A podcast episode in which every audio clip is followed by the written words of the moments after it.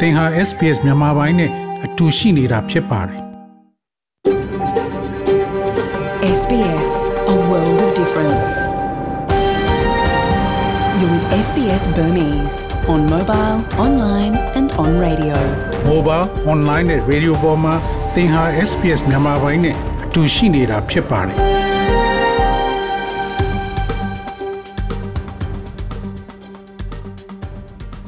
တော်ရရှိမြ ကျက်သိမင်္ဂလာဖျားဖျားနဲ့ပြည့်စုံတော်မူကြပါစားခင်ဗျာယနေ့မေလ28ရက်စနေနေ့မြန်မာပိုင်းစီစဉ်များကိုစတင်အသံလွှင့်နေပါရခင်ဗျာဒီနေ့အစီအစဉ်များကိုကျွန်တော်ကြော်ထွန်းအောင်ခေါ်တယ်ရိုအောင်ကတင်ဆက်သွားမှာဖြစ်ပြီးယနေ့ပါဝင်မဲ့အစီအစဉ်များမှာတော့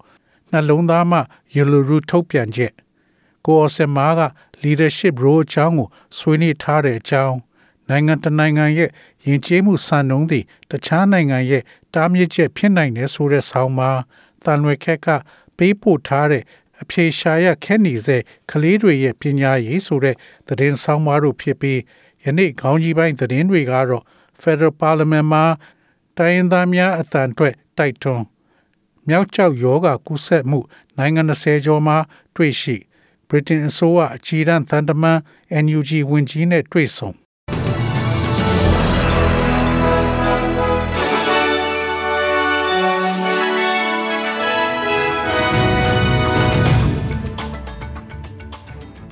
ယခုချိန်ကစပြီးသတင်းများကိုကျွန်တော်ကြော်ထုတ်အောင်ကစတင်ဖတ်ကြားပါတော့မယ်။ပြည်ထောင်စုလွှတ်တော်မှာ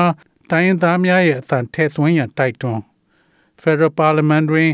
တိုင်းရင်းသားများရဲ့အသံကိုထည့်သွင်းရန်ပထမဆုံးအကြိမ်ပြည်လုံးကျုပ်စန္ဒခံယူပွဲကျင်းပရန်နှစ်ဖက်ညီသောသဘောထားစန္ဒခံယူပွဲကျင်းပရန်ဘာသာရေးဖွဲ့စည်းများရဲ့ပူးပေါင်းဆုံးဖြတ်ချက်တရက်ကိုထုတ်ပြန်ခဲ့ပါတယ်။ Yellow ထုတ်ပြန်ချက်တွင် Aboriginal နဲ့ Torres Strait Islander ခေါင်းဆောင်များက voice ခေါ်ဆိုမှုပြုလုပ်ခဲ့တဲ့အချိန်မှစ၍ယနေ့သည်9နှစ်ပြည့်မြောက်ဖြစ်ပြီး1969ခုလူမှုစန္ဒခံယူပွဲမှာ Australia ရဲ့ First Nation လူမျိုးစုကိုမဲပေးပိုင်ခွင့်ကို ပေးခဲ့တဲ့55နှစ်မြောက်နေ့လည်းဖြစ်ပါတယ်။ Yellow ထုတ်ပြန်ချက်ရဲ့တောင်းဆိုချက်များအပေါ်ပြည်လုံးကျွတ်စန္ဒခံယူပွဲကျင်းပခြင်းသည်၎င်းရဲ့ ထိတ်တန့်ဦးစားပေးမှုများထဲမှတစ်ခုဖြစ်ကြောင်း Labor အစိုးရသစ်ကရှင်းရှင်းလင်းလင်းထုတ်ပြန်ထားတော်လဲညွန်ပေါင်းအတိုက်ခံအဖွဲ့ကတော့၎င်းအားထောက်ခံမည်ဆိုသည်ကို ရှင်းရှင်းလင်းလင်းမသိရသေးပါဘူး Anglican Islamic Jew Hindu Sikh နဲ့စီလုံးသောဖျားကြောင်ဂိုင်းခွဲများဘာဝင်ဘာသာရေးအဖွဲ့များသည့်ယေလူရူရဲ့တောင်းဆိုချက်များကို ထောက်ခံရန်အတူတကွပြုလုပ်ကြတာဖြစ်ပါတယ်။ မြောက်ကျောက်ယောဂကူးစက်မှုနိုင်ငံ20မှာတွေ့ရှိနိုင်ငံပေါင်း20ကျော်မှာမြောက်ကျောက်ယောဂကူးစက်ခံရသူ200လောက်ရှိသွားပြီဖြစ်ကြောင်းနဲ့ဒီယောဂဟာထိမ့်ချုပ်လို့ရနိုင်ပြီးကမ္ဘာမှာရနိုင်သမျှသော ကာကွယ်ဆေးနဲ့ဆေးဝါးတွေကိုစုဆောင်းတုံမီထားဖို့နဲ့အညီအမျှခွဲဝေသုံးစွဲကြဖို့ကုလသမဂ္ဂကမ္ဘာ့ကျန်းမာရေးအဖွဲ့ကြီးဖြစ်တဲ့ WHO ကတောက်ကြနေကပြောဆိုလိုက်ပါတယ်။ ဒီမြောက်ကျောက်ယောဂါဟာဘယ်အကြောင်းကြောင့်အာဖရိကတိုက်ရဲ့ပြင်ပကိုရောက်ရှိကူးစက်သွားတယ်ဆိုတာမသိရသေးကြောင်းနဲ့ယောဂပိုးရဲ့ဗီဇပြောင်းလဲမှုကြောင့်ဖြစ်ရတာဆိုတဲ့အထောက်ထားလည်းမရှိဘူးလို့ WHO ကတောက်ကြနေက ရှင်းလင်းပွဲမှာပြောဆိုခဲ့ပါတယ်။ဒါအပြင်ယခုကူးစက်တဲ့ယောဂပိုးမျိုးဗီဇဟာဒီယောဂဖြစ်လိရှိတဲ့နိုင်ငံတွေမှာ တွေ့ရှိရတဲ့ပိုးရဲ့ ဗီဇနဲ့ကွဲပြားခြားနားမှုမရှိတာကို တွေ့ရကြောင်းနဲ့ဖြစ်နိုင်ခြေရှိတာကတော့လူတွေရဲ့အမှုအကျင့်ပြောင်းလဲမှုကြောင့်ဖြစ်နိုင်တယ်လို့ WHO ရဲ့ကူးစက်ရောဂါဆိုင်ရာညွှန်ကြားရေးမှူးဒေါက်တာဆီလ်ဗီဘရိုင်ကပြောဆိုပါတယ်။ဥရောပတိုက် American, Israel နဲ့ Australia နိုင်ငံတွေအပါအဝင်တခြားနိုင်ငံတွေမှာဒီယောဂကူးစက်မှုဟာမကြာသေးမီက ဖြစ်ပျက်ခဲ့တဲ့စပိန်နဲ့ Belgium နိုင်ငံတွေက လိမ်မှုဆိုင်ရာကိစ္စတွေနဲ့ဆက်နွယ်နေနိုင်တယ်လို့ဒီတစ်ပတ်အစောပိုင်းက WHO ကျန်းမာရေးအဖွဲ့ကြီးရဲ့ထိပ်တန်းအကြံပေးအရာရှိတူကပြောဆိုသွားပါတယ်။ Britain ဆိုအကြီးတန်းတန်တမန် NUG ဝန်ကြီးနဲ့တွေ့ဆုံဆွေးနွေး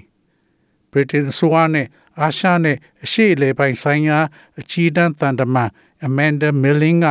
NUG ထိပ်တန်းခေါင်းဆောင်တူဖြစ်တဲ့ဒေါက်တာဇော်ဝေဆိုးနဲ့ လန်ဒန်မြို့ကဗြိတိန်နိုင်ငံသားရေးရုံးမှတွေ့ဆုံပြီးဗြိတိန်နိုင်ငံအနေနဲ့မြန်မာပြည်သူတွေနဲ့ရပ်တည်တဲ့ဆိုတာကို ရှင်းရှင်းပြသလိုက်တာဖြစ်တယ်လို့ပြောကြားခဲ့ပါတယ်။ပေါမောက်ခဒေါက်တာဇော်ဝေဆိုဟာ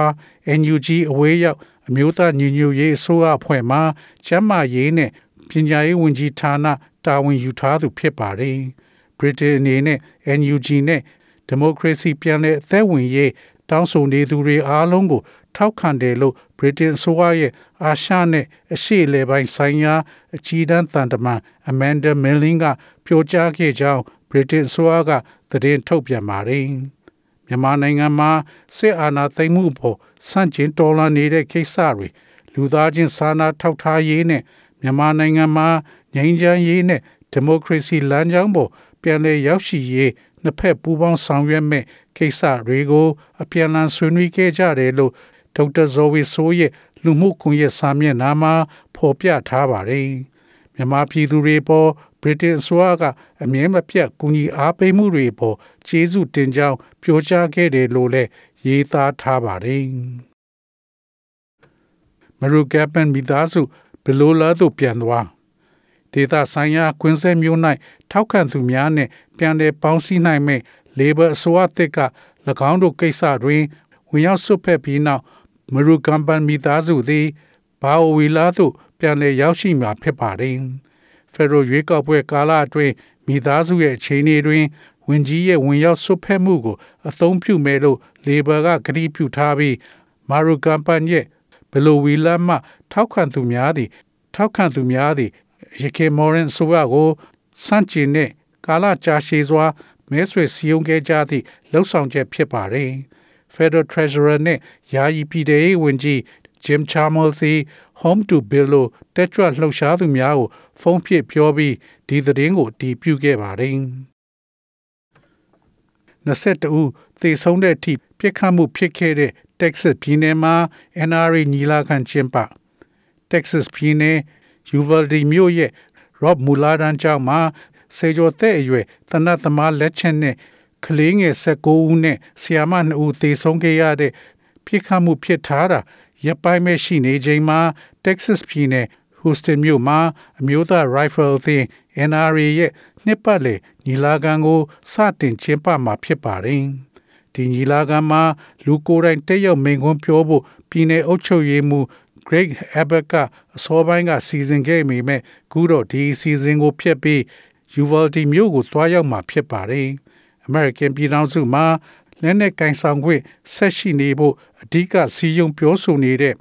NRA Rifle အသင်းရဲ့၃ရက်ကြာညီလာခံမှာ American သမ္မတဟောင်း Donald Trump ကမိန့်ခွန်းပြောကြားခဲ့ပါတယ်။အင်္ဂါနေ့ကမူလာနန်ကျောင်းမှာဖြစ်ပွားတဲ့ပြစ်ခတ်မှုကို Texas ရဲတပ်ဖွဲ့ရဲ့တုံ့ပြန်မှုကြမ်းကြခဲ့တဲ့အပေါ်ပြင်းပြင်းထန်ထန်မေးခွန်းတွေထုတ်နေကြပါတယ်။ SBS SBS SBS SBS SBS This is SBS Radio.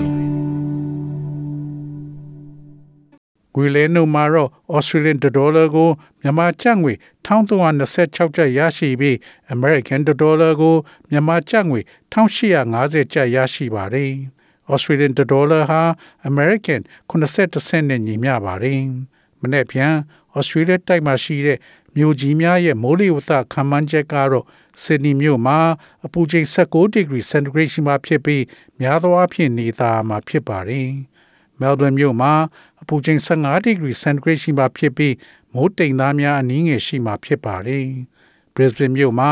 အပူချိန်23ဒီဂရီစင်တီဂရိတ်ရှိမှဖြစ်ပြီးနေသားမှာဖြစ်ပါတယ်။ Perth မြို့မှာအပူချိန်18ဒီဂရီစင်တီဂရိတ်ရှိမှဖြစ်ပြီး မိုးတိမ်သားများအနည်းငယ်ရှိမှဖြစ်ပါတယ်။ Adelaide မြို့မှာအပူချိန်16ဒီဂရီစင်တီဂရိတ်ရှိမှဖြစ်ပြီးမိုးရွာသွန်းနိုင်ပါတယ်။ Hobart မြို့မှာအပူချိန်14ဒီဂရီစင်တီဂရိတ်ရှိမှဖြစ်ပြီးနာနဲ့ပိုင်းမြူနှင်းများရှိမှဖြစ်ပါတယ်။ Canberra မြို့မှာအပူချိန်14ဒီဂရီစင်တီဂရိတ်ရှိမှဖြစ်ပြီးမိုးတိမ်သားများအနည်းငယ်ရှိမှဖြစ်ပါတယ်။ဒါဝင်မြို့မှာအပူချိန်31ဒီဂရီစင်တီဂရိတ်ရှိမှဖြစ်ပြီးများသောအားဖြင့်နေသားမှာဖြစ်ပါတယ်။ ဤတွင်သတင်းများကိုကြီးညာလို့ပြီးပါပြီခင်ဗျာ။